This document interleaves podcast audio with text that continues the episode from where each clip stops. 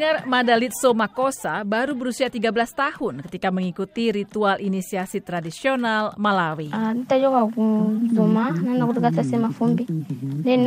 chibwezi Makosa mengatakan setelah upacara inisiasi itu, para penasihat dalam inisiasi itu menyarankannya untuk melakukan ritual kusasa fumbi atau menghapus kotoran dengan laki-laki pilihan saya. Makosa memilih tidur dengan mantan pacarnya, tetapi kemudian ia hamil. Menghapus kotoran merujuk pada ritual melepas keperawanan yang sering kali dilakukan tanpa perlindungan dalam arti kondom dan lainnya untuk memasuki masa dewasa.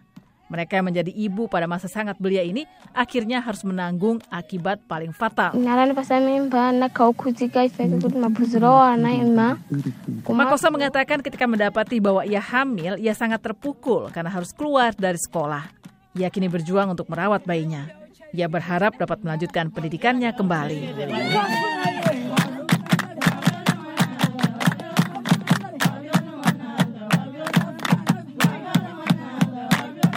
Inilah petikan inisiasi yang menunjukkan bagaimana para penasehat mempersiapkan gadis-gadis belia yang sebagian bahkan baru berusia 12 tahun ketika mendapatkan menstruasi pertama untuk berhubungan seks dan memasuki dunia perkawinan.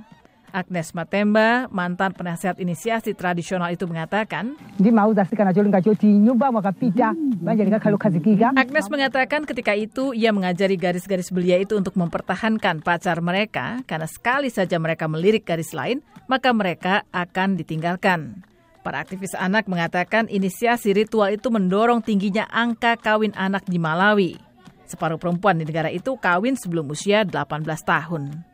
Kelompok Youth Net and Counseling Yoneko mengatakan ingin agar inisiasi itu dibuat sesuai usia anak-anak perempuan itu dan mempertahankan supaya mereka tetap sekolah. Direktur Eksekutif McBain McDonwire mengatakan, That's a traditional cultural thing that people believe in, and it will be very difficult to just say, let's end initiation ceremonies. Ini adalah budaya tradisional yang diyakini orang-orang di Malawi dan akan sangat sulit untuk sekedar meminta mereka menyudahi budaya ini. Tetapi kita bisa berupaya mengatakan dapatkah dibuat kurikulum sehingga materi yang disampaikan sesuai dengan usia gadis-gadis kecil itu? Yoneko bekerja sama dengan para penasehat di inisiasi tradisional itu untuk memberi masukan.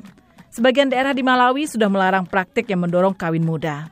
Aidah Deleza yang juga dikenal sebagai kepala tetua Cikumbu mengatakan, this is why we have a lot of dropout from school that's why we have the population has just shot so high just because of that because Untuk mencegah terjadinya kehamilan remaja, pemimpin-pemimpin tradisional seperti di Cikumbu membagi anak-anak perempuan peserta inisiasi itu ke dalam dua kelompok. Seorang penasehat memulai upacara sederhana bagi para gadis kecil ini, sementara lainnya memberikan pendidikan seks dan persiapan kawin bagi gadis yang lebih besar. Belum diketahui apakah upaya ini akan membuahkan hasil. Saya Fama Zreva, VOA Washington.